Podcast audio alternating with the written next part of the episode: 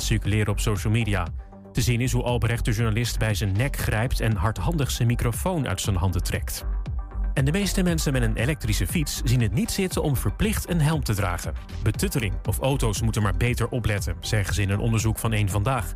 Vallend is dat ze van mening veranderen als ze zelf of iemand die ze kennen een ongeluk krijgt. Dan zeggen ze: had ik er maar één op gehad. Het weer van Weer Online. Aardig wat zon en 15 tot 20 graden. Aan zee waait een frisse wind. Ook tijdens het Pinksterweekend zonnig en een stukje warmer. Voor 20 tot 23 graden. En tot zover het ANP-nieuws. Doodgaan. Het overkomt ons vroeg of laat allemaal en eigenlijk wil je er niks mee te maken hebben. Vredehof zet zich elke dag in voor dat moment. Het afscheid van jezelf of dat van een dierbare. Wij begeleiden en zorgen voor een passend afscheid. Wij zijn Vredehof Uitvaartverzorging. Wij zijn vertrouwd dichtbij. Thema beveiliging staat voor betrokkenheid, adequate optreden en betrouwbaarheid. Waar de concurrent stopt, gaat thema beveiliging net een stap verder. Thema Beveiliging levert alle vormen van beveiliging voor zowel de zakelijke als de particuliere markt. Thema Beveiliging, de beveiligingsorganisatie van het Oosten. Telefoon 053 4800 560 of stuur uw e-mail naar info@themabeveiliging.nl.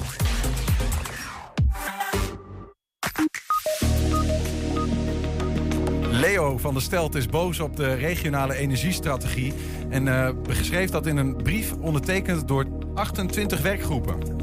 Het nieuwe respijthuis van Xtanoa aan de Molenstraat in Enschede is geopend. Drie studenten willen examenleerlingen overtuigen dat Enschede een mooie studentenstad is. Een voorbeschouwing op FC Twente Ajax en een nieuwe stelling van de week. Het is vrijdag 26 mei. Dit is 120 vandaag. 120. 1, 120 vandaag.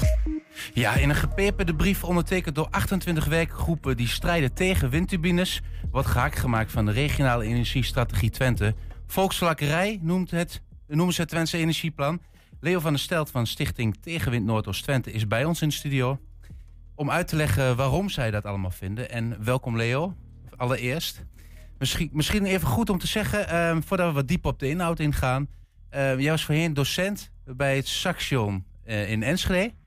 En heb je na het werkzame leven uh, helemaal gericht op die energietransitie of uh, windmolen specifiek? Ja, ik, ik, doe ook andere dingen. Hè? Dus uh, ik ben met pensioen bijna drie jaar.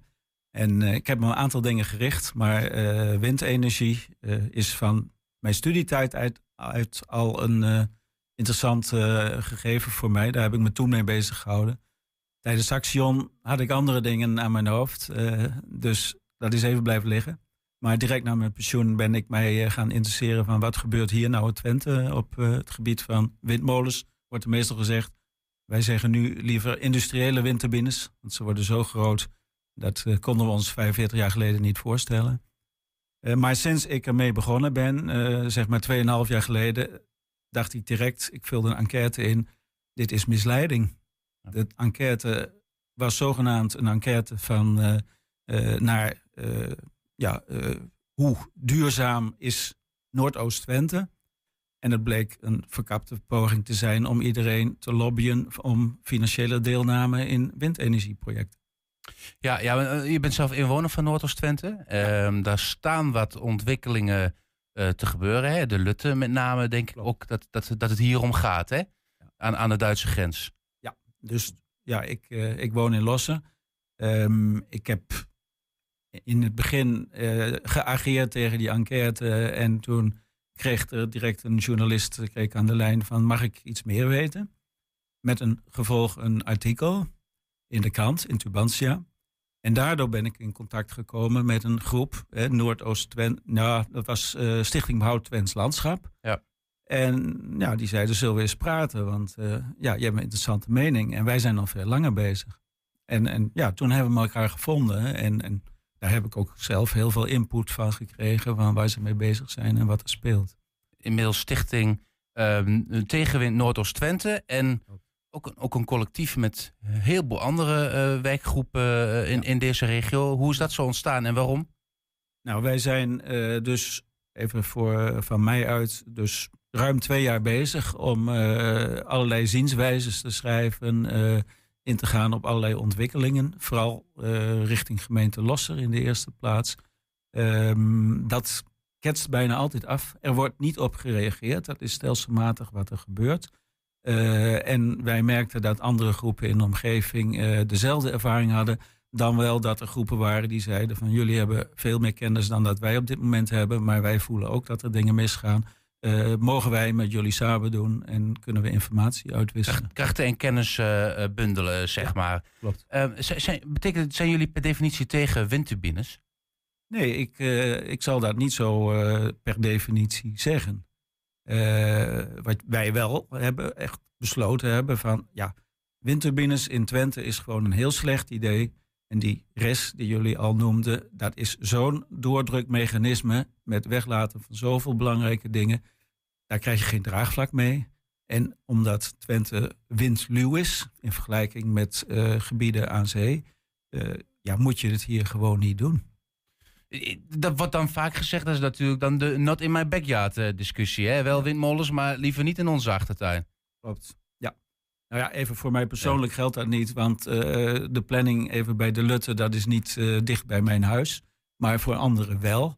En ja, voor mij gaat het over belangrijke feiten die spelen rondom die windturbines. Ja. En in feite, wat ik nog belangrijker vind, de, de misleiding die er in het bestuursgebeuren gebeurt, die heeft zoveel negatieve effecten dat het averechts gaat werken. He, dus er wordt gezegd van dit is democratisch of dit is democratisch gelegitimeerd, zeggen ze dan. Ja, het is gewoon niet waar. Tot nu toe is het niet democratisch en maakt het mensen terecht boos. Maar gaan de gemeenten dan niet, niet zelf over, over waar ze met windmolens willen hebben? Nee, de gemeente, ja, ook wel. Hè, maar eh, primair wordt het opgelegd vanuit de landelijke overheid. Hè, en daar is die res uit ontstaan. Dan is er een opgave, zoals dat heet. Iedere regio van de 30 in Nederland heeft een opgave om aan uh, groene energie te doen, om het zo te zeggen. Maar dan zegt de res uh, hier, en, en even in Nederland algemeen, het moet eerst met uh, zon en wind en dan nog grootschalig. Nou, en dan begint het eerste probleem al.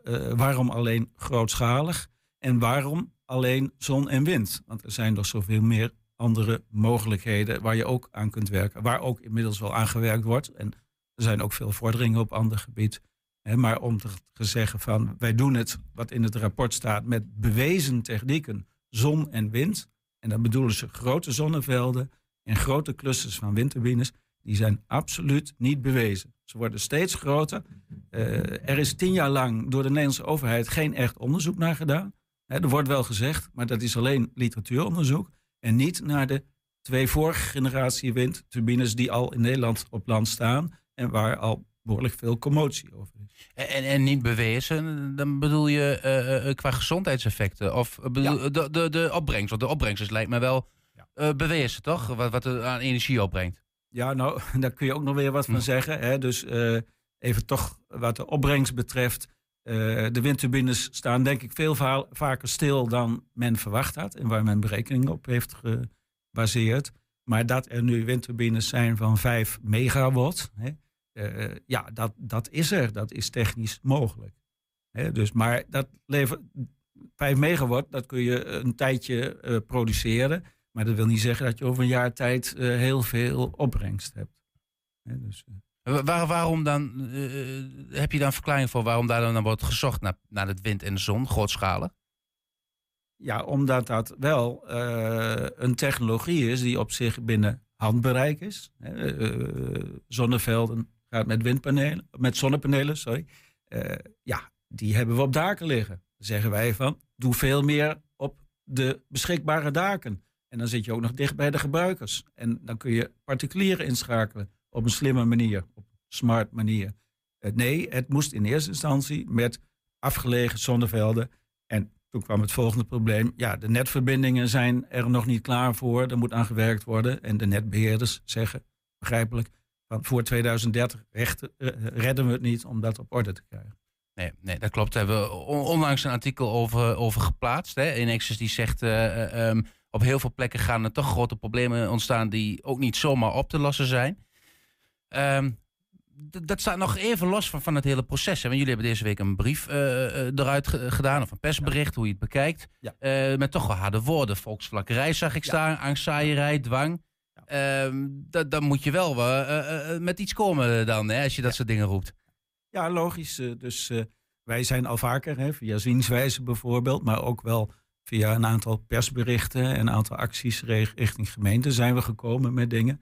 Maar wat er nu gebeurt in Twente is dat in het kader van de rest, dat de provincie de gemeente onder druk zet. En dat wij merken van die gemeenten, die krijgen maar eh, eh, ja, misleidende informatie. Dat, zo durf ik dat rustig te zeggen. Dus die, ja, ze krijgen informatie die wel eh, waar lijkt, maar die lang niet volledig is. En ik kan er dingen aan toevoegen. Ik zeg van, nou ja, dat klopt dus gewoon niet. Eh, En, onder druk zetten, ik, sorry dat ik even onderbreek, maar dat is het Ja. dat de provincie zegt voor 1 juli moeten alle gemeenten moeten Ja. zoekgebieden, Ja. zeg maar, waar willen jullie windmolens hebben, heel kort gezegd. Eh, eh, en als ze dat niet doen, zegt de provincie, dan gaan wij jullie mogelijk overrulen als er initiatiefnemers komen. Dat, dan hè, Ja. de regie nemen. Dus de gemeentes kunnen de regie nemen als ze windbeleid vaststellen, als ze zoekgebieden vaststellen. En als de gemeentes of, eh, dat niet doen, op tijd, voor 1 juli in principe, dan doet de provincie het. Ja, en jullie zeggen dat is, dat is onzin dat dat gebeurt. Ja, en de belangrijkste reden is even heel praktisch. eh, twee jaar geleden hè, heeft de Raad van State tegen eh, de Nederlandse regering gezegd eh, van dit kan zo niet, wat er gebeurt aan plannen. Er moet eerst een plan MER heet het dan, hè, dus een milieueffectrapportage. Ja, die moet zijn de al- gevolgen voor de om- omgeving, om, Ja. voor het milieu? Ja. de, de, de overheid moet eerst nagaan wat de, de gevolgen zijn van die grote windturbines voor de omgeving, voor het milieu, maar ook voor de gezondheid van mensen. Nou, sindsdien staat het on hold, om het zo te zeggen. Vergunningen mogen niet verleend worden, want elke procedure stopt bij er is nog niks bekend, officieel bekend, van de actuele en deugdelijke eh, gegevens over de normen die er moeten gaan gelden. Ja, dat is, dat is ook waarom sommige gemeenten zoals Enschede huiverig zijn om die eh, zoekgebieden aan te wijzen. Die zeggen, ja, wij wachten nog af hè, tot die onderzoeken, die onderzoeken zijn deels gedaan. eh, en totdat dat leidt tot nieuwe, mogelijk nieuwe afstandsnormen. Ja. Ehm, maar nu gaan ze toch onder druk die zoekgebieden eh, aanwijzen. Ja, de, de gemeente Enschede is eh, gelukkig redelijk eigenwijs. Dus die houden het een beetje van zich af, in mijn ogen, onze ogen. Maar jij zegt zelf al die afstandsnormen. Hè? Dus dat is even los van waarom de Raad van State het zei. De eh, Tweede Kamer heeft eerst in een motie. En dat heeft dus de huidige coalitie bij de, van de, de regering, dus heeft bij de coalitievorming dat overgenomen. Er moeten afstandsnormen komen. Dat eh, is, geeft veel meer duidelijkheid voor de mensen in de omgeving dan de huidige procedures. Ja. Nou, daar is een onderzoek verschenen eh, van Arcadis naar wat er zoal gebeurt in de omringende landen. En eh, wat afstandsnormen betreft, hè, eh, denkt men, dat weet ik uit de reactienota op de procedure, daar duikt bijna niemand in, maar wij willen dat wel doen. Eh, men denkt, en dat vind ik nog zwak, aan twee tot vier keer de tiphoogte van windturbines. Ja. Twee is het ondergrens, is veel zwakker dan in de omringende landen. Nou, ik hou even de ondergrens aan voor alle duidelijkheid. Twee keer de tiphoogte van een windturbine van 250 meter, die moet bij de Lutte bijvoorbeeld komen, dat is 500 meter. Hier wordt nog steeds gepraat over 300 meter of 400 meter. Ja, vuistregels noemen ze dat. Ja. Klopt. Nou, wij zeggen nou, nou even 400 meter, da- vier keer de tiphoogte, sorry. Ja. Dat is realistisch, dat doet Denemarken ook. Plus nog een aantal andere eisen, hè? maar nu alleen even over de afstanden. Eh, maar de vraag is, gezien het steeds groter worden van de turbines, of dat al wel een voldoende eh, afstandsnorm is. Ja, dat zijn ze dus nu aan het uitzoeken. De overheid is er al twee jaar mee bezig en ze hebben nog een jaar nodig. Hè? Het wordt 2024, Ja. heeft eh, Jetten gezegd tegen de Tweede Kamer. Dus dat is gewoon openbaar nieuws. Terwijl dus de provincie zegt van ja, zoekgebieden aanwijzen. Eh, en die heeft het er gewoon niet over. Die heeft het niet over afstandsnormen. Die heeft het niet over de landelijke ontwikkelingen. Nee, eh, de gemeenten moeten windbeleid vaststellen en zoek, eh, zoekgebieden vaststellen. En nou heeft Wierde net wat uitstel gekregen, maar het moet dit jaar gebeuren. Ja, maar dan denk ik, ehm, kan het dan kwaad als die, als die regels er blijkbaar pas over een jaar zijn en je stelt nu zoekgebieden vast? dan gaat het toch op een gegeven moment in zo'n proces, gaan we toch over die regels hebben. En dan kan het misschien alsnog niet. Nou ja, dat, eh, dat wordt vaker gezegd. Ik vind het ook een, een logische gedachte. Eh, er zitten twee kanten aan. De ene is, eh, je maakt enorm veel mensen aan het schrikken. Want ineens, terwijl hun beloofd is, hier komen geen windturbines. ja, de provincie en de gemeente moeten wat. Want die opgave is heilig. Hè? Voor 2030 moet het te staan. betekent voor 1 januari 2025 moet, moeten de initiatieven gestart zijn. Dus men heeft haast, men forceert. En ineens uh, moeten er planningen zijn waar dat zou kunnen. Dus je maakt ontzettend veel mensen aan het schrikken.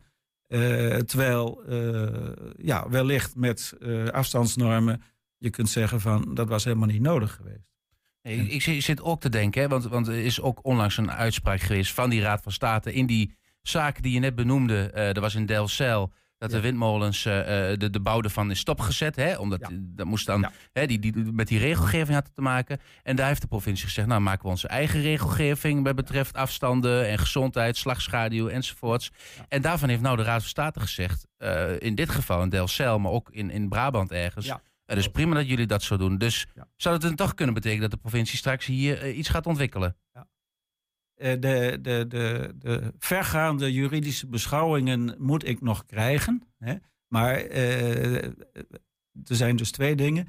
A, het zijn twee zaken die al heel lang speelden. Die dus al speelden voordat de Raad van State in 2021 uh, eh, dit on hold zette, waar we het net over hadden.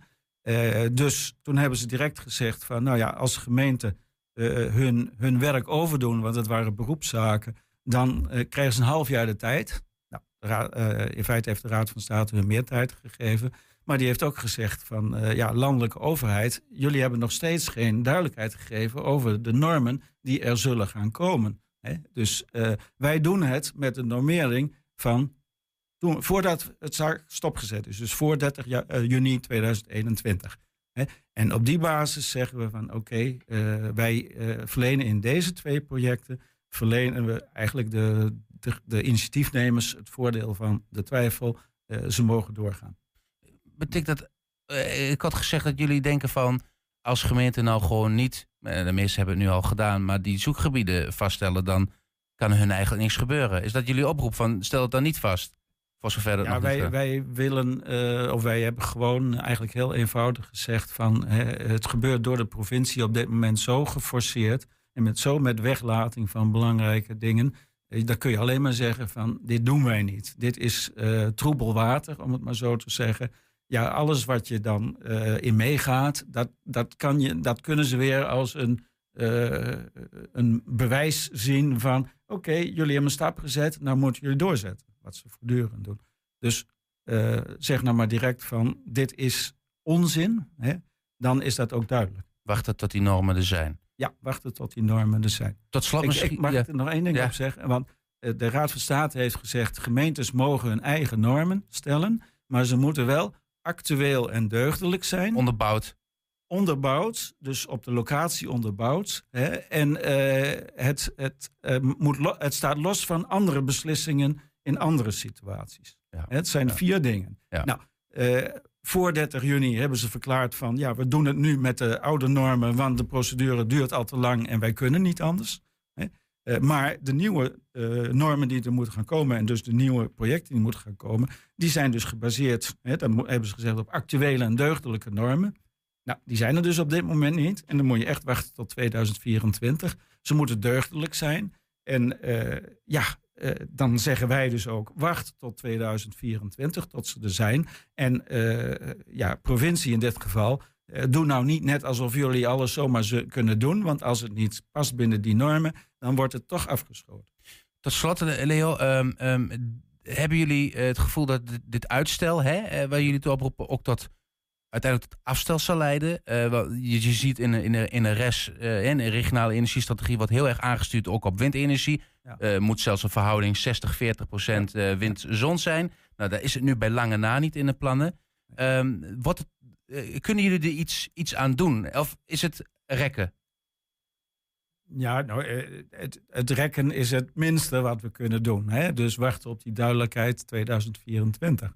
Uh, maar wij kijken ook naar andere alternatieven, dus uh, naar betere mogelijkheden. Ja. Als, eh, als collectief hè, zien we vaak veel meer in, hè, maar het is iets, eh, iets langere termijn dan nu voor 2030, denk ik. Hè, maar er zijn goede ontwikkelingen. Denken we aan kernenergie. Maar denk ook aan opslag van energie als geothermie. We denken aan de ontwikkelingen eh, op het gebied van waterstof als energiedrager. Ik heb ook al eens gezegd van nou, als we de Sahara voor een derde volleggen, hebben we voor de hele wereld genoeg. Ja, dan moeten we het omzetten in waterstof.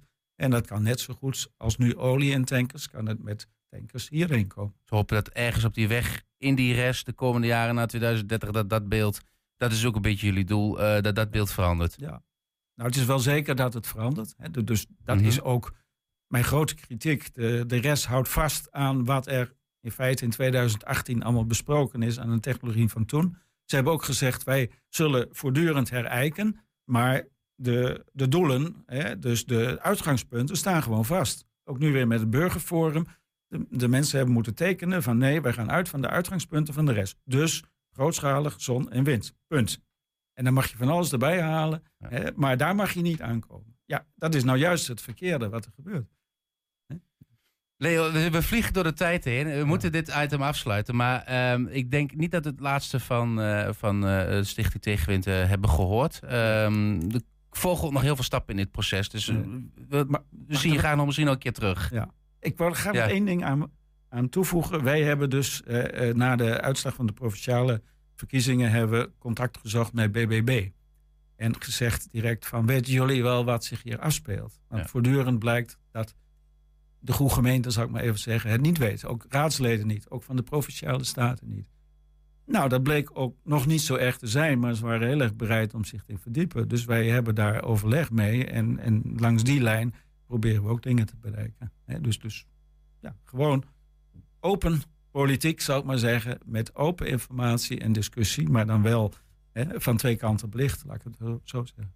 Wat vervolgt? Bedankt, Leo. Graag gedaan. Zometeen gaan we terug naar de jaren 70 en 80 met een eh, speciale expositie in Almelo.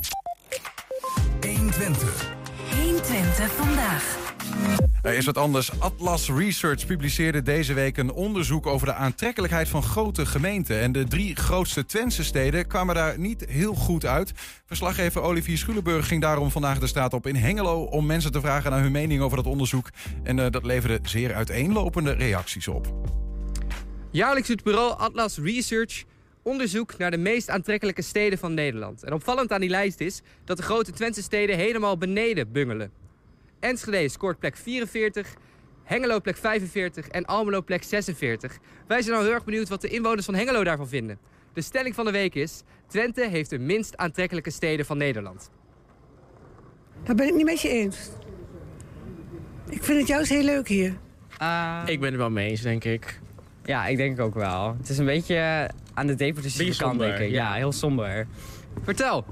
Ja, op social media heb ik wel eens meegekregen dat als mensen bijvoorbeeld Hengelo inkomen, dat ze gelijk een depressieve laag Ja, over zich heen krijgen. Ja. En ja, ik ben er eigenlijk wel mee eens. Jij ervaart dat ook zo? Ja, ik ook wel. Ik eh, vind de andere steden veel meer, ja, mooier, meer afgewerkt uitzien. En dan in Twente is je meer een beetje depres- depressief. Leek een beetje op Oost-Europa of zo soms. Twente is hartstikke mooi. Dus ja, wat kan ik daar verder over zeggen? Waarom vindt u Twente zo mooi? Ik ben hier opgegroeid. Ik vind het fantastisch hier. Mooi rustig. Mooie steden, verschillende steden, van alles te zien.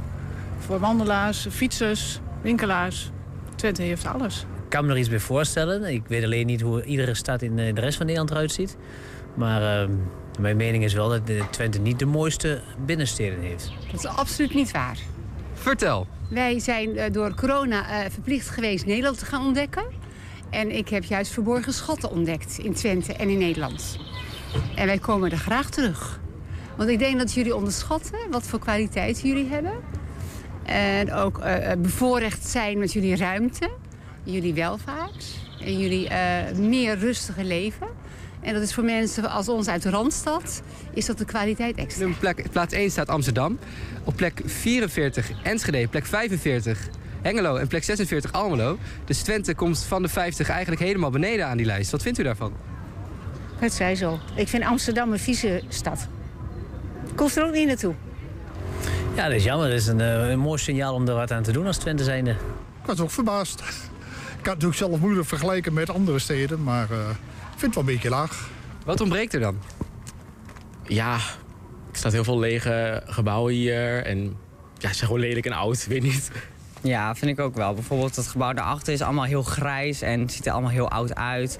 En er zijn gewoon niet zoveel moderne architectuur in de, in de steden hier. Dus dat vind ik wel jammer. Het is best wel soms heel erg dood hier. Het is wel net nieuw daar, uh, is iets nieuws geplaatst. Dat is wel leuk. Ik denk dat daar ook wel meer drukte bij is gekomen. Maar nog steeds is het wel En een Zara. Er moet een Zara komen. Ja. ja, er mogen wel iets meer winkels in Hengelo komen. Wat meer uh, uh, winkels om naar binnen te lopen, zeg maar. Er staat nog veel leeg op dit moment. Dat is wel jammer. Ik kan me voorstellen dat uh, toeristen of andere mensen uit andere delen van het land... die snel zullen zeggen van... Uh, laten we even een dagje naar Hengelo gaan of naar, uh, of naar de andere Twentse steden. Ja, en toch uh, zeggen de parameters dat het uh, zo is hier in Twente. Nou ja, goed, natuurlijk als je als Twente nou altijd anders beweren. Anders was je hier misschien al wel lang weg geweest. Denk ik dan maar zo. 120. 120 vandaag. Oude tijden herleven in het uh, Almeloze huis van Katoen en Nu. Sinds een aantal weken is daar namelijk een uh, 70s, 80s expositie te zien. Uniek in Nederland, want volgens initiatiefnemer Erwin Lette... was er niet eerder een expositie als deze te zien. En we hebben hem aan de telefoon. Erwin, goedemiddag. Goedemiddag, Wilco. In dit geval is het Niels, uh, maar dat maakt niet uit. Oh, ik had, ik had begrepen maar ik zit dat ernaast. ik... oh, oh, nou, ja, ja, de, de, de, de, naam, we zitten met z'n tweeën, dus dat is prima. De naam zegt het al, hè? Een, een expositie over 70s, 80s. Maar ja, goed, daar kunnen we ons bij alles van voorstellen. Wat valt er allemaal te zien? Oh, nou, er valt uh, heel veel te zien. Uh, er zijn heel veel uh, panelen gepresenteerd aan de wanden. Met allerlei verschillende onderwerpen over mode, over uitgaan, over muziek, over scholen over auto's uit die tijd. Uh, maar er staan ook heel veel objecten uh, in de ruimte. En dat maakt het extra leuk. Dat vinden mensen leuk om te zien. Er staat een Fiat 500, een Zundap, een Poeg. Uh, er staan heel veel voorwerpen uit, uit de jaren 70 op, op, op tafels en vitrines. En, en, en, voorwerpen, dat zijn dan bijvoorbeeld die, al die oranje gebruiksvoorwerpen die in de jaren 70 zo populair waren. Ja. Want alles was, alles was oranje en bruin in de jaren 70. Is er altijd een reden? Had dat een reden? Ja, daar hebben we het vanmorgen nog over gefilosofeerd. Misschien had dat te maken met flauwe pauwen, met kleurig en fleurig. Het kon niet, uh, het kon niet gek genoeg, het kon niet bont uh, genoeg. Uh, hey, maar Erwin, is dit nou gewoon omdat het leuk is om even met de gedachte terug te gaan naar die tijd van toen? Zeker voor mensen die dat bewust hebben meegemaakt. Wat, wat, wat voor gedachten zit hierachter? Ah, het is inderdaad vooral leuk. Het is vooral het gevoel van, oh ja, ik, ik, ik, ben zelf 57, dus ik ben opgegroeid in die, in die tijd. Ja. En de jeugd, de jeugd is een hele belangrijke periode voor, uh, voor iedereen, voor mensen. Um, en, en, en waar ik mensen ook van uh, onbewust, bewust uh, van wil laten worden, van wil laten maken, is het zorgeloze van die tijd. De, de, de, de, tijd om dingen te ontdekken en, en overal de tijd voor hebben als, als kind. Later krijg je de zorgen, maar in, die tijd was het allemaal zo zorgeloos. Tenminste, zo Ja. heb ik het ervaren. Nou ja, maar dat is wel interessant, hè? Van, van als je dan die tijd vergelijkt met nu. Ik zag ook een, een afbeelding met wat uitspraken van je ouders... waar je nog steeds de kriebels van krijgt. We zien hem hier nu ook, eh, dat kun je niet zien, maar we zien hem nu op het scherm. Eh, maar Ja. als ik daar zo even mijn gedachten over laat gaan... Hè, van, eh, ehm, ja, weet je wel, wel thuiskomen voor het eten... of weet ik veel, als je niet wil fietsen, dan ga je maar lopen. Dat soort dingen. Nou, ik hoor het mijn moeder zeggen, bij wijze Wat van. ik zeggen, herkenbaar? Ja, nee, ja, maar goed, Ja. de, de vraag is, hoe, hoe anders was die tijd eigenlijk echt? Nou ja, eh, van mijn gevoel hadden we veel meer vrijheid. Eh, In, in, de, in de tijd is het allemaal veel eh, eh, strakker en keuriger ge- geworden. Wij, wij gingen de straat op tot s'avonds uh, de lantaarns aangingen en dan, en dan moesten we naar huis.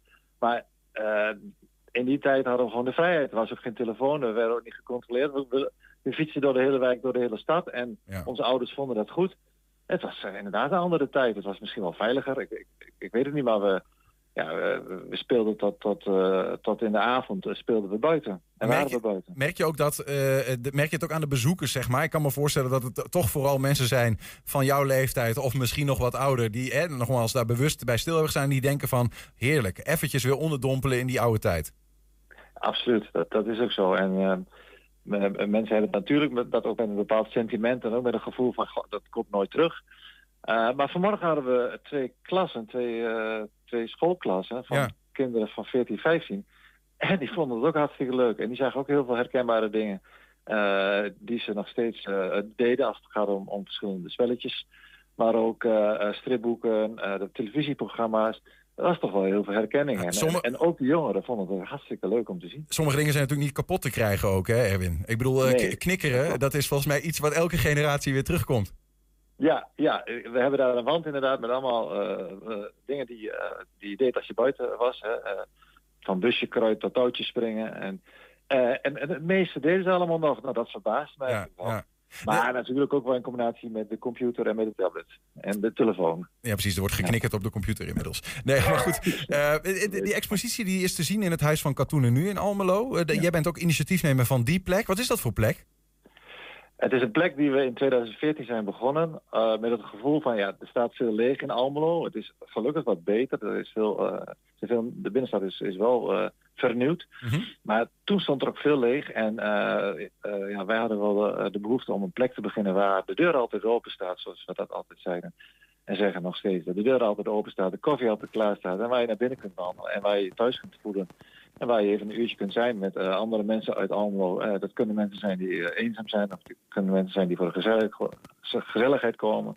Maar in ieder geval leuk vinden om ook iets te zien over Almelo. En eh, daar met, eh, met anderen over eh, te, te, te filosoferen. Of Ja. van gedachten te wisselen. Dus het, het, het dient zijn doel wat dat betreft, zoals je dat eh, eh, bedacht had. Ehm, eh, Erwin, de, de, de expositie, toegang is gratis, begreep ik. Tot wanneer is dit te zien? 70s, 80s? Toegang is gratis en is de hele zomer nog te zien. Tot eh, 1 september. Dus eh, mensen hebben nog volop de gelegenheid om het te bekijken. Je hoeft echt niet eh, eh, alleen uit Almelo te komen om het leuk te vinden. Dat is, daarvoor zijn de onderwerpen te algemeen. De sport uit die jaren, het, de muziek uit die jaren, de mode, wat ik net al aangaf, auto's uit die tijd. Ja. Het, is, het is voor heel veel mensen een, een hele leuke aha. Erlebnis, mooi ja. Gaat dat zien Ja. in, eh, in Almelo daar, in het Huis van Katoen en nu de 70s, 80s expositie. Erwin Lette, dank je wel. Veel plezier ermee. Ja, allemaal welkom. En bedankt. Ja, zometeen. Kevin, Nick en Simon zijn student in Enschede en willen de huidige examenleerlingen overtuigen dat het een mooie studentenstad is. 120. 120 vandaag.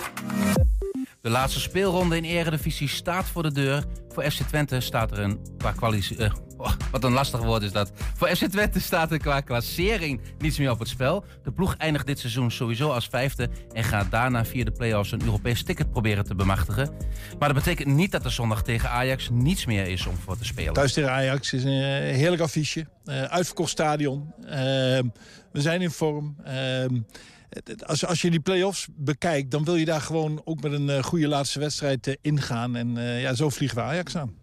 Ik had ook niet verwacht dat jij ging zeggen van we spelen nergens meer voor. Maar zijn, dat zijn dan punten... Is dat nodig ook om bij het team voor te houden? Of, of gaat dat vanzelf wel? Nou ja, wij, wij, wij spelen natuurlijk wel voor ehm, een ongeslagen seizoen met een eh, record aantal punten in thuiswedstrijden. Ehm, de minste goals tegen in de eredivisie. Ehm, en, en voor de laatste thuiswedstrijd van de eredivisie. En elke seconde dat Wout Brama er nog, eh, nog in komt, ja, dan, dan moeten we ook allemaal helemaal losgaan, vind ik. Ja, laten we daar meteen maar naartoe gaan. Was jij verrast door zijn beslissing? Eh, ja, eh, om, als, je, als je met je verstand teruggaat, dan is dit een hele logische beslissing. Maar ik ken Wout al zo lang en ik heb altijd alles bij hem eh, gelaten. Dat, dat niet iemand anders de beslissing hoefde te nemen. Dat is nou niet gebeurd. Dus ik, ik, ik denk dat het een goede beslissing is. Maar hij, hij heeft zijn gevoel. Hij is nu al een paar weken weer fit. En ja, hij geniet er zo van. Dus eh, maar, eh, het is zover. Eh, de kogel is door de kerk. Ja, je zegt elke minuut die hij nog maakt. Is dat iets wat, jij op voorhand al voor jezelf besluit? Als het maar enigszins kan, ga ik dat doen? Eh, Een minuten laten maken? Ehm, ja, maar je moet het niet omdraaien. Dat, dat je niet op zoek bent naar die, eh, naar die momenten. Maar ik kan, de, we kunnen Wou- Wouter ook gerust eh, inzetten hoor. Want ehm, eh, hij kan nog wel wat. En of hij dat 90 minuten op het hoogste niveau volhoudt, dat betwijfel ik. Omdat hij daar te wei- te weinig wedstrijden voor heeft gespeeld. Maar hij, is gewoon, hij, hij is nog steeds een goede speler en heeft een geweldige carrière gehad. Hij is hartstikke fit, zeg je. Ehm, hoe staat de rest van de selectie erop? Ja, ik ben heel tevreden. Ehm, helaas in de revalidatie van Max Bruns, ehm, dat, dat was enkelbanden. En die enkel is helemaal perfect, al een week of twee. Maar ja, hij heeft toch wat klachtjes eh, eh, bij de knie gekregen. Dus die is er niet bij, maar voor de rest is iedereen fit. Het schijnt dat er mensen waren die dachten even dat Ramis geschorst was. Heb jij daar iets van meegekregen? Nou ja, die mensen hadden het verkeerd. Ehm, zeiden al van voor jullie is er eigenlijk ook echt wel genoeg om voor te spelen. Eh, dat zal voor de tegenstander eh, ook zo zijn. Wat verwacht jij van hen? Een beetje ook misschien gezien het seizoen dat ze hebben gehad? Ja, nou ja, ze hebben in ieder geval... ehm, ja, vorige week hebben ze een hele aardige wedstrijd tegen, tegen Utrecht gespeeld. En die nemen ze ook weer mee. En ehm, ja, op dat moment stond bijvoorbeeld dan Bergwijn voor het eerst op 10. En die voelde zich wel, wel weer prettig. En dan komt Berghuis misschien weer terug. Dus dat, dat is aan de trainer wat hij daar dan weer eh, mee, eh, mee gaat doen. Maar... ehm, eh, Ajax heeft wel eens mindere fases eh, gehad. En op het moment. En, ze, moeten, en ze, ze ruiken weer bloed. Hè? Ze kunnen weer tweede worden, maar dan moeten ze ons verslaan. En nou ja. Eh, we, we, zu- we zullen het zien, want wij gaan er alles om, aan doen. Om dat, eh, eh, niet om dat te voorkomen, maar om zelf te winnen. En is het dan ook na die wedstrijd voor jullie meteen, ook omdat het ook snel op elkaar volgt dan nu, focus naar die play-offs? Ja, ja, maar dat is ook niet zo moeilijk. Alleen we weten nu, het, kunnen nog drie, misschien zelfs wel vier ploegen zijn. Eh, dus we moeten even kijken. Dat was een abrupt eh, einde van die video. Maar goed, je hoorde Ron Jans. Wat zeg je? Je verwacht dat er nog wat achteraan Ja, dat is komt. maar net zo. Maar goed, je hoort in ieder geval Ron Jans over die eh, wedstrijd dus tegen Ajax eh, die eraan komt. 120. 120 vandaag. Als aanstormend studenten nadenken over de stad waar ze willen studeren... dan moet Enschede zeker niet ontbreken. Dat vinden Kevin Weijers, Nick Mommerstegen en eh, Simon Kosters. Ze zijn zelf sinds september student in Enschede... en dat bevalt hen zo prima eh, dat ze besloten om een eh, promotiepraatje voor de stad te willen houden. Jongens, van harte welkom. Dankjewel. Ik ga even al jullie microfoons aanzetten, want jullie zijn met z'n drieën. Dat is nogal wat. En die eerste vraag die ik eigenlijk heb is: wanneer besloten jullie. Eh, Trouwens, wie is nou. wie- misschien moeten we dat eerst even helder krijgen, want we hebben er drie. Wie is Kevin? Dit is Kevin. Ik hoor jou nog niet, dus dat gaat nog niet helemaal lekker. Zo, nu hoor ik je denk ik wel. Wie is Nick? dat ben ik. En dan ben jij Simon. Ik ben Simon inderdaad. En dan moet ik eerst even beginnen met, we komen net als je komt in de studio binnen. En toen zeg je, wie is Nick? En toen stak de verkeerde vinger op. Want dit, dit, is- jullie zijn niet jullie echte namen. Nee, dat klopt. Ik, ik, eh, ik deed dat als grapje, omdat iedereen altijd ons door elkaar haalt. Ehm, wij kwamen bij het eh, di- dispuut eh, als feuten binnen. En toen bestond er al, eh, of nou, was er al iemand met onze officiële namen. Ja, denk eraan dat je je microfoon dicht bij je mond houdt. Oh ja, ja. En ehm, nou ja, de- vandaar dat wij dus andere namen voor eh, kregen. En toen moesten wij als iconisch duo eh, twee namen verzinnen. Dat kwam uiteindelijk uit op Nick en Simon. Omdat we alle, allebei van de muziek zijn. We vinden dat hartstikke leuk. En ja, vonden we dat wel een goede, twee goede namen. Dus eh, vandaar dat we er zo op zijn gekomen. Dit zijn de Nick en Simon die nog wel bij elkaar zijn, zeg maar. Ja, precies. Ja, ja. Nou ja, goed, we houden dan gewoon eh, jullie bij je studentennamen wat dat betreft. Ehm, hey, Kevin, wanneer dachten jullie de hele wereld moet weten dat Enschede een mooie studentenstad is? Eh, persoonlijk, ik heb eerst gestudeerd in Eindhoven. Daar heb ik mijn HBO gedaan en nu ben ik eh, deze kant gekomen voor mijn eh, master te doen. Mhm. Ehm, en eh, ik wou eigenlijk weg uit Eindhoven. En dan blijven er twee technische universiteiten over. Dat is dan hier in Enschede en in Delft. Eh, en toen ben ik naar allebei geweest te kijken. En eh, Delft, een heel mooie universiteit ook. Alleen een beetje druk, veel mensen. Allemaal een beetje van die kakker die allemaal hoogstaand voor mijn gevoel. Mhm. Dan kwam ik hier in Enschede op de campus. Hartstikke mooi rondlopen. Vrije, ja, vrije omgeving, mooie campus. Eh, ook leuk om daar te wonen. Eh, en voor mij voelde het meer Enschede aan als een, een groot dorp. Het is heel mooi om daar een beetje rond te lopen en eh, ja, eigenlijk daar mijn leven te hebben. Ik ben zelf ook een dorpsmens. Ik heb altijd in een dorp gewoond. Ja. Dus dat zocht ik weer een beetje op. En dat vind ik het hele mooie aan Enschede, dat het hier ook gewoon nog kan. Want komen jullie alle drie uit de omgeving Eindhoven? Nee. Nee, dat, dat niet. Oké. Want, de- want je kunt natuurlijk eh, een stad dan mooi vinden om te studeren. Vraag ik dan maar even aan Nick of Simon. Ik ben nu alweer kwijt wie wie is, maar dat maakt niet uit. Eh, maar een, een tweede is dat je de media benadert om te zeggen... jongens, we willen echt laten zien dat Enschede gewoon aantrekkelijk is. En dat die aankomende studenten die nu examen aan het doen zijn... eh, die leerlingen, eh, laatste loodjes, dat die hier naartoe eh, moeten komen wat jullie betreft. Ja, wat dat betreft, Enschede staat gewoon iets minder op de kaart. Mensen kijken toch ook wel met hun studiekeuze naar een stad eh, waar, waar je wil gaan studeren. En daar wordt dan deels de keuze soms voor gemaakt. En eh, ja, dan is eh, Enschede wordt dan vaak wat sneller afgeschreven als dan eh, Delft of Eindhoven. Ja. Wat, eh, merk je dat ook op- op de school? Wat Enschede dan ook, ook wat minder door, door ehm, studiegenoten eh, eh, voordat je die keuze gaat maken, dat mensen zoiets hebben van, nou daar willen we niet naartoe. Persoonlijk heb ik eh, geen één oude klasgenoot eh, vanuit Eindhoven die richting Enschede is verhuisd. Oké. Eh, en ik vind dat wel jammer, want achteraf gezien vind ik dat ik eh, eigenlijk de beste keuze zelf gemaakt heb. Maar waar zit het nou in? Heb je, hebben jullie enig idee? Want jullie, jullie kiezen er wel voor om hier te komen, maar waarom gaan die anderen niet? Ik denk dat het ook, zeker voor mensen die al uit de Randstad komen, toch best wel de reistijd een dingetje is. Eh, ik vind het persoonlijk niet zo heel erg. Ik vind het wel lekker om een beetje rustig muziekje op, oortjes in en een lekker filmpje te kijken in de trein. Ja. Eh, en het ding is ook dat heel veel mensen hier meer blijven omdat het zo lang weg is. Dus je hebt ook wel een heel hecht studentenhuis dan vaak waar ook studenten in het weekend wat vaker blijven. Ja. En dus dat is ook wel heel erg leuk, vind ik zelf. En dat is echt wel, vind ik ook een pluspunt, dat je een heel hechte gemeenschap onder die studenten hier hebt in Enschede. Het dorpse. Ja. Eh, Simon, wie was er nou Simon? Oh, ja. ja. Misschien Nick, want jou hebben we nog niet, zo te- niet, zo, niet zoveel gehoord. Eh, eh, wat was jouw eigen beeld? Want, voordat je, want je bent ook sinds september hier gaan studeren. Eh jaartje daarvoor al. Maar Jaartje dat- daarvoor. ja. Wat was jouw beeld van Enschede eh, voordat je hier kwam? Eh, Waarom ben je gekomen? Nou, ik, ik was zelf heel erg aan het twijfelen tussen Delft en eh, Enschede. Want ik eh, wilde heel graag werktuigbouw kunnen gaan doen. En eh, nou ja, ik had dus echt wel de keuze. Ik had Eindhoven zelf al wel een beetje afgeschreven. Want dat vond ik wel te ver weg. En ik kende ook niemand in de buurt daar. Ehm, maar ik heb uiteindelijk echt wel voor Enschede gekozen. Omdat ik toch wel... Ja, ik hou echt van dat dorpse gevoel. Ik, dat, dat klinkt misschien... Ik kom zelf uit Arnhem, ik kom uit de stad. Maar ja, Delft, dat, dat overweldigt mij een beetje, denk ik. Dat is een... Ja, allemaal, eh, het is allemaal heel groot en zo. En hier voel ik me gewoon meer thuis, denk ik. Ja. Meer een thuisgevoel dan, eh, ja, dan eh, in zo'n grote stad, denk ik. Jullie zijn eh, ingenieurs, eh, mensen die dingen maken, hebben we ge- gemerkt. Want eh, jullie hebben met een zelfgemaakt voertuig een tour door de stad gemaakt. Misschien heel even kijken. Oh, dat, ja, het is wel heel grappig. En heel studenticoos ook vooral. Wat is dit voor een apparaat, eh, Simon? Nou, je, eh, vooraan hebben wij een skelter. En daarachter hebben wij twee fietsen gemaakt. En hiermee moesten wij eh, de huizentocht, eh, die heet, eh, afleggen. Dus dan gaan we bij allemaal eh, actieve leden langs. En daar krijgen we dan opdracht om te doen. En eh, straks moeten we hier nog een andere opdracht mee doen. Dan eh, krijgen we ook nog allemaal objecten mee. En die moeten we meenemen op een andere tocht. Mhm. Ehm, en ehm, zo leren wij dus ook het dispuut en de dispuutsgenoten kennen van ons, waar die wonen en hoe zij een beetje leven. Ja, precies. Nou, en ik kan me voorstellen, je gaat eh, met dit eh, eh, ding Enschede rond. Wat zijn dan wat jullie betreft de, de mooie plekken? Dat je zegt van Enschede, een, een dorpsgevoel hoor ik vooral. Wat zijn nou de plekken waarvan je zegt, nou ja, als student, dan zou je daar zeker eens moeten, moeten zijn? Kevin. Ik vond het vooral een leuk tochtje. we begonnen op de campus. En dan heb je dadelijk, dan ga je helemaal naar die studenten wonen erachter. Lekker mooi in de bossen. Dat is, vond ik wel een mooi tochtje. Dan loop je lekker door de natuur heen te gaan.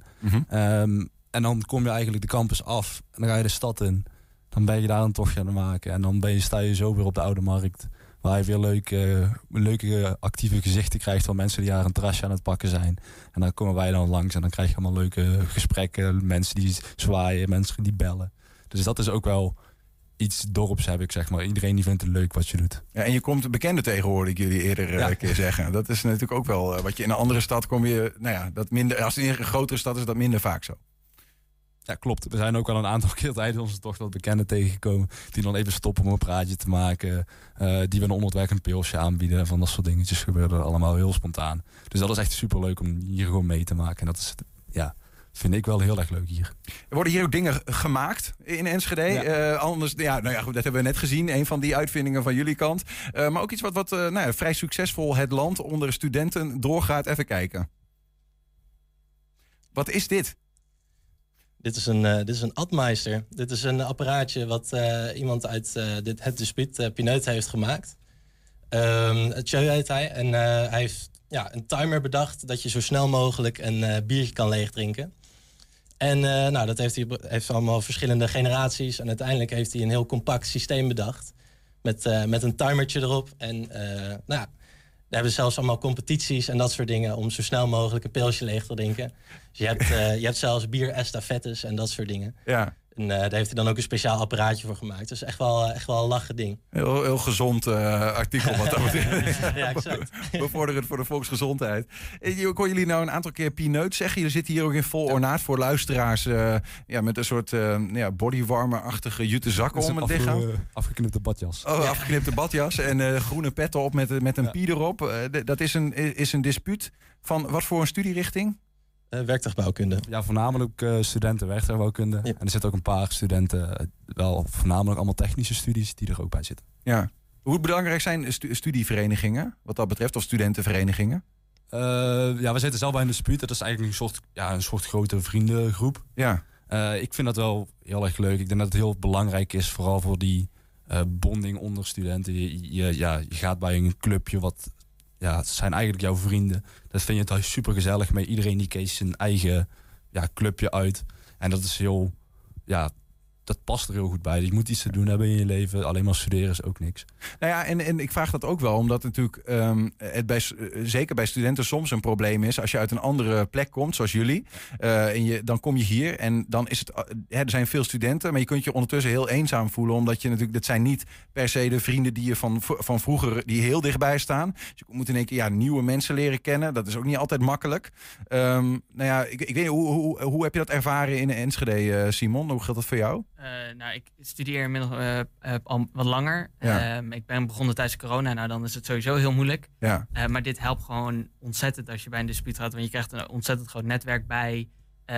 Want Pineut bijvoorbeeld bestaat ook al langer dan vandaag, zeg maar. Hmm. Dus dat is leuk. Je hebt ook allemaal oude lullen, zoals wij die noemen. De mensen die al niet meer lid zijn, die ehm, zijn er ook nog wel af en toe. Of die doen, krijgen we ook reacties van op de mail.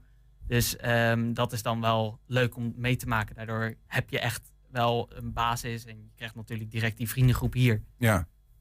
Eh, Ik begrijp ook dat er, dat er een, eh, een, een festival is waar Nick, waar jij een en ander over te vertellen hebt. eh. Ja, klopt. Dat, eh, dat is geregeld door, ehm, door de studievereniging van WB, van werktuigbouwkunde. En eh, nou, die heet eh, Newton. En eh, nou, heel veel mensen, nou, uiteraard omdat het WB is. Eh, Werktuigbouwkunde, WB? Ja, Ja, zeker. oké. En eh, nou, heel veel mensen van eh ons dispuut, die eh, zitten daar ook bij. En die hebben dus dat eh, festival zelf geregeld, laat maar zeggen. Mhm. En ehm, nou ja, die, die hebben dus is op een heel mooie plek geweest. Dat Ja, was dus- eh, het vliegveld hier in Enschede. Oké. Dat was een, eh, een hele hangar, hadden ze helemaal omgebouwd. Vandaar de naam, Sky is the limit. Sky is the limit, ja, exact. En eh, nou, daar komt er echt wel een heel hoop bij kijken. Want, eh, er zijn grote artiesten geweest, zoals bijvoorbeeld eh voorbeeld is Fokke Simons. Eh, maar ja, omdat het natuurlijk je eigen feest is, laat maar zeggen, kun je ook eh, DJ's, bijvoorbeeld zitten DJ's bij ons in het dispuut ook, die, eh, die daar hebben kunnen draaien. Dus dat is wel echt eh, heel mooi. Je hebt ook een unieke kans gekregen voor hunzelf, zeg maar. ja. Ja. precies. En, ja, en eh, ik heb ook gehoord dat ze heel veel connecties via zo'n eh, via zo'n festival krijgen, laat maar zeggen. Mhm. Omdat ehm, ik hoorde dat iemand uit Duitsland van, eh, van grote festivals daar ook even langskwam.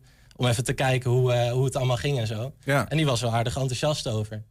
Dus Nice. dat, is wel, eh, dat is wel mooi om te zien dat dat soort connecties allemaal weer eh, ja, ontstaan. Ja, er is veel te doen. Er zijn bijzondere plekken. Want Vliegveld Twente is natuurlijk op zichzelf inderdaad een hele, hele bijzondere plek. Wat dat betreft, als je het over Enschede hebt. Ehm, eh, tot slot, jongens, en misschien vraag ik die, stel ik die vraag dan maar aan jullie alle drie op rij. Waar- waarom zouden mensen hier vooral niet naartoe moeten komen?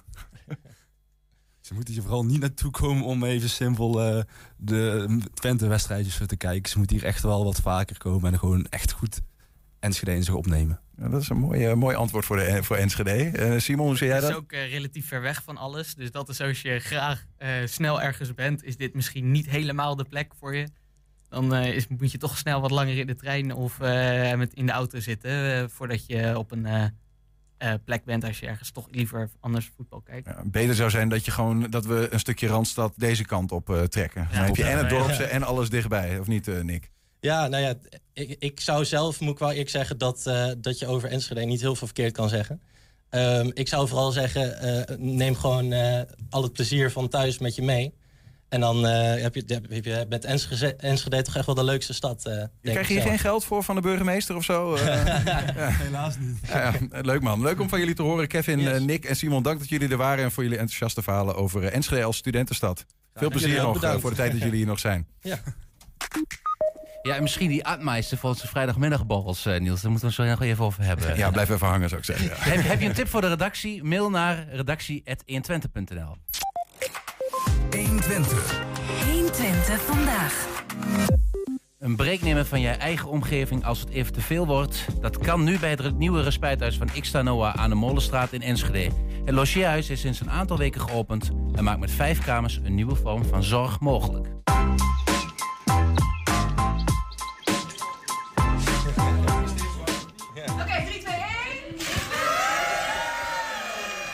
Een spijthuis is een plek waar je mag logeren als het even minder goed met je gaat. En om te voorkomen dat je heel erg onderuit gaat of in crisis raakt. Maar wij zaten al uh, twee deuren verder en dit pand kwam leeg. En wij wilden al langer uitbreiden met uh, logeerplekken. Maar daar hadden we in het uh, vorige of in het nou, eerste pand geen plek voor.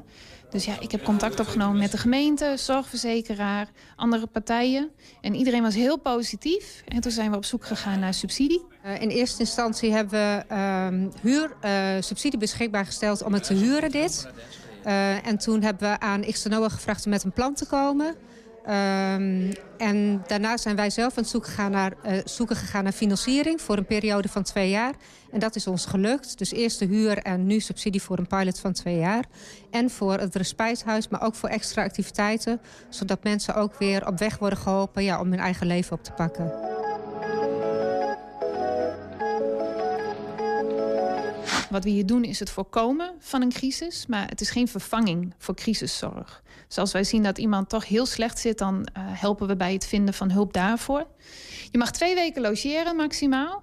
En tijdens je verblijf stel je ook doelen op waar je aan wil werken, zodat als je naar huis gaat, het gewoon weer de goede kant op gaat. We hebben vijf kamers. Uh, we hebben comfortabele grote bedden. Uh, elke kamer heeft een fijn plekje waar je kan zitten, een boek kan lezen.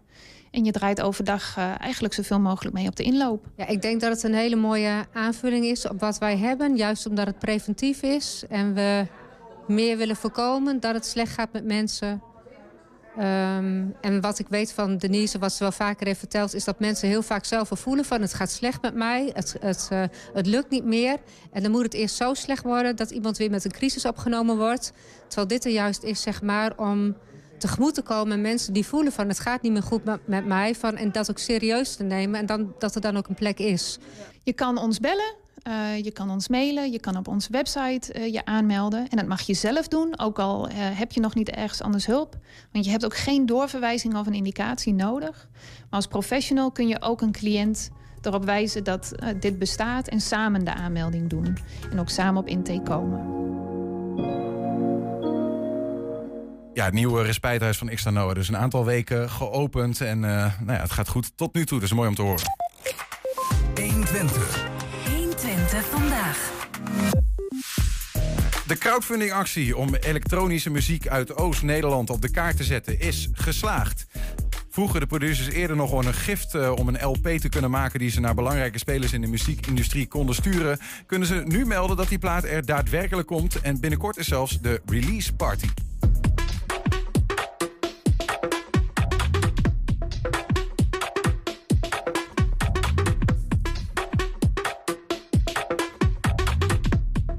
Een beeld te krijgen van wat er dan uh, zoal te horen gaat zijn. Bij ons aangeschoven uh, Tijmen Sliozas en ook een Mark Olderhoff. Goedemiddag, jongens. Goedemiddag. Probeer dicht bij de microfoon, uh, Mark, te zitten, ja. dan kunnen jullie goed horen. Um, gefeliciteerd beiden. Merci, merci. Dat het gelukt is. Tijmen, ja, ja, je, zat hier, je zat hier eerder, eind januari was dat. V vertel nog even, waar, waar hadden jullie precies een gift voor nodig? Wat was er aan de hand? Uh, wij hebben een uh, plan gemaakt om een vinyl te gaan maken waarop uh, alle elektronische muziek uit Oost-Nederland is verzameld. Omdat daar gewoon veel talent is, maar het erg moeilijk is om de muziek aan de man te brengen in de scene, zeg maar. Mm -hmm. toen dacht ik, als we nou gewoon een plaat drukken en die bij internationale, nationale DJ's, media, boekers, et cetera, achter de deur gooien. Dan maak je een beetje een statement en dan maak je meer kans om ontdekt te worden, gezien te worden, gehoord te worden, uh, geboekt te worden misschien wel. Of ja. ergens een album uit te kunnen brengen. Anders beland je, zoals dat bij ons ook wel eens gebeurt, in een mailbox. En dan uh, het mailtje raakt weg. Hè, en dan uh, een LP konden de mensen niet omheen. Het, het is gelukt, Mark. Uh, streefbedrag gehaald. Ja, inderdaad. En op zich heb ik, heb ik daar niet zo heel veel mee te maken gehad. Maar met de party heb ik des te meer te doen. Oké. Okay. Want nou ja, ik help mee organiseren met het feestje. En ik ben dan uh, een van de nerds met nerds van Nerds with.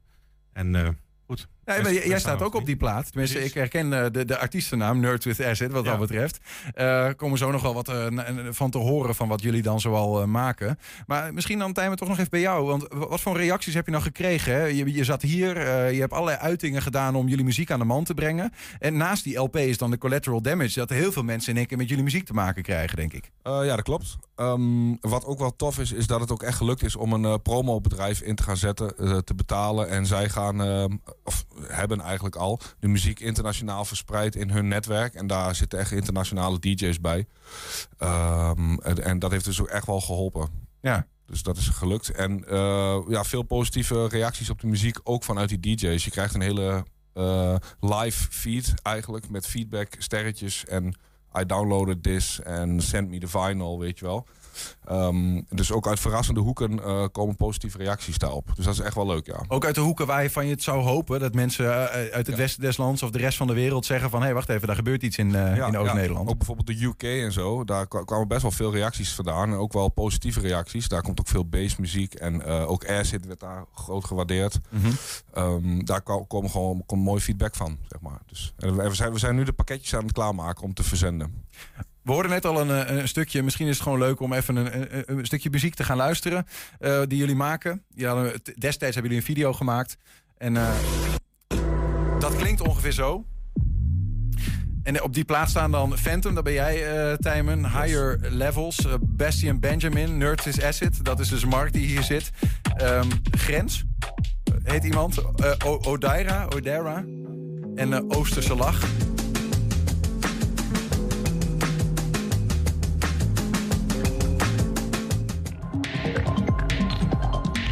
Mark, eh, als in eh, Nerds with Acid eh, zit je hier. Wat, vind jij zo prettig aan dit soort muziek? Ja, elektronica is eigenlijk wel waar ik mee opgegroeid ben. Jaren 80 kindje toch wel, dus dan ja, is alles er wel bijgekomen. En ja, de, housemuziek begin jaren 90 was ik ook eigenlijk aan verkocht en het is eigenlijk gebleven. Dit, dit zijn de producers die, die erop staan. Jullie zitten hier en we hebben nog een foto van jullie allemaal in een soort ballenbak. Wat is dat voor, wat is dat voor gezelschap eigenlijk? Eh, en, en überhaupt breder, wat is dat voor scene waar, waarin jullie eh, eh, je bewegen? Het, is wel, het zijn allemaal wel vrijbuiters. Dat, dat wel, maar het is wel echt ook een hele hechte scene eigenlijk. Want alles wat op de, op de, op de LP staat, die ken ik eigenlijk allemaal ook wel persoonlijk. Ja. En dat geeft ook aan dat het een kleine hechte scene is hier in het oosten. Ja, dus we, er wordt zoveel vette shit gemaakt hier. Dat willen we gewoon eventjes aan de man brengen. Buiten het oosten ook. Ja. De, de release party die eraan gaat komen, die is nog wel even in het oosten. Eh, en die gaat, eh, nou ja, de- misschien kun je er alles over vertellen, Mark, want eh, je hebt hem georganiseerd. Nou, inderdaad. Die komt bij het Sikhuis aan het Stationsplein. Dat zit ja, boven de Spacebar. Voor de mensen in Enschede denk ik dat ze het allemaal wel weten. En alle, alle artiesten van de EP die gaan daar eh, optreden. En de meeste gaan ook live optreden. Dus dat wordt een, eh, ja, een hele bijzondere avond, denk ik. Want qua muziekstijl zitten we op die plaat. Zijn het allemaal verschillende genres. De ene is voor to the floor, de andere heeft veel meer breakbeats. Mhm. Ja, dat, is de, wordt, een, wordt een hele bonte avond eigenlijk qua muziek. Ja, eh, en het plaatje wordt ook nog aan de man gebracht, eh, begreep ik. Zeker, er is een Absoluut. verkooppunt. Ja, ja, ja. Eh, en zou nou, wa- wat zouden jullie nou, wie zouden jullie daar hopen te treffen, zeg maar, op zo'n op zo'n feestje? Eh, nou, in feite gewoon ehm, iedereen eh, uit Oost-Nederland, maar en, en de mensen die hebben gecrowdfund, de eh, artiesten die hebben meegedaan en hun netwerk. Eh, en eigenlijk ook wel gewoon de, de, de scene hier uit Enschede. Die op zijn minst. Ehm, en een stukje media zou mooi zijn. Ik denk niet dat ze uit het westen hier naartoe gaan komen nu voor dit feest. Ehm, maar je moet hem wel gewoon keihard lanceren. En dat Ja. hebben we ook echt met eh, een dikke poster gedaan van Jeroen Koren. Die komt uit eh, Zwolle, is een eh, designer. Die heeft ook die sticker gemaakt op de plaat. Eh, en Sickhouse is eh, ook Hou van hem de aan die kant van je, als je wil. Aan die kant, aan die kant. Dan kun je hem goed zien. Eh, nee, daar is in de camera in de hoek. Ja. ja, zo zie je hem goed. Check. Nou, die sticker, de poster, heeft Jeroen Koren gemaakt uit Zwolle. Ehm, dan heb je daar eh, de ballenbak, dat is eh Sickhouse. Daar gaat het plaatsvinden. Die hebben ook een mooie donatie gedaan. Ehm, ja, dan, ik hoop nog wat mensen uit Deventer te treffen. Dat zou mooi zijn. Van Poppunt eh, Overijssel, Poppunt Gelderland misschien. Het zou leuk zijn als die nog even langskomen. De motor die een motor motor wil zijn achter de muziekindustrie hier. Ja. De- en dan is dat is de release party. Dat is eh, prachtig. Dan vier dat het gelukt is. Maar uiteindelijk gaat die plaat. eh, dat is ook een gevolg natuurlijk. Nu die gaat eh, gestuurd worden. Naar, naar, wie of wat ga- gaat die allemaal nu eh, uit? Of is die al uitgestuurd? Eh, we zijn nu, eh, vandaag eh, belde Aris nog van de, de nieuwe platenzaak. Die komt in Enschede aan de GJ van Heekstraat. Die heeft ook zeker bijgedragen aan het project, want die is nu de pakketjes aan het inpakken. Dus ergens eind deze week, begin volgende week worden ze verzonden. Na alle crowdfunders die er een hebben besteld.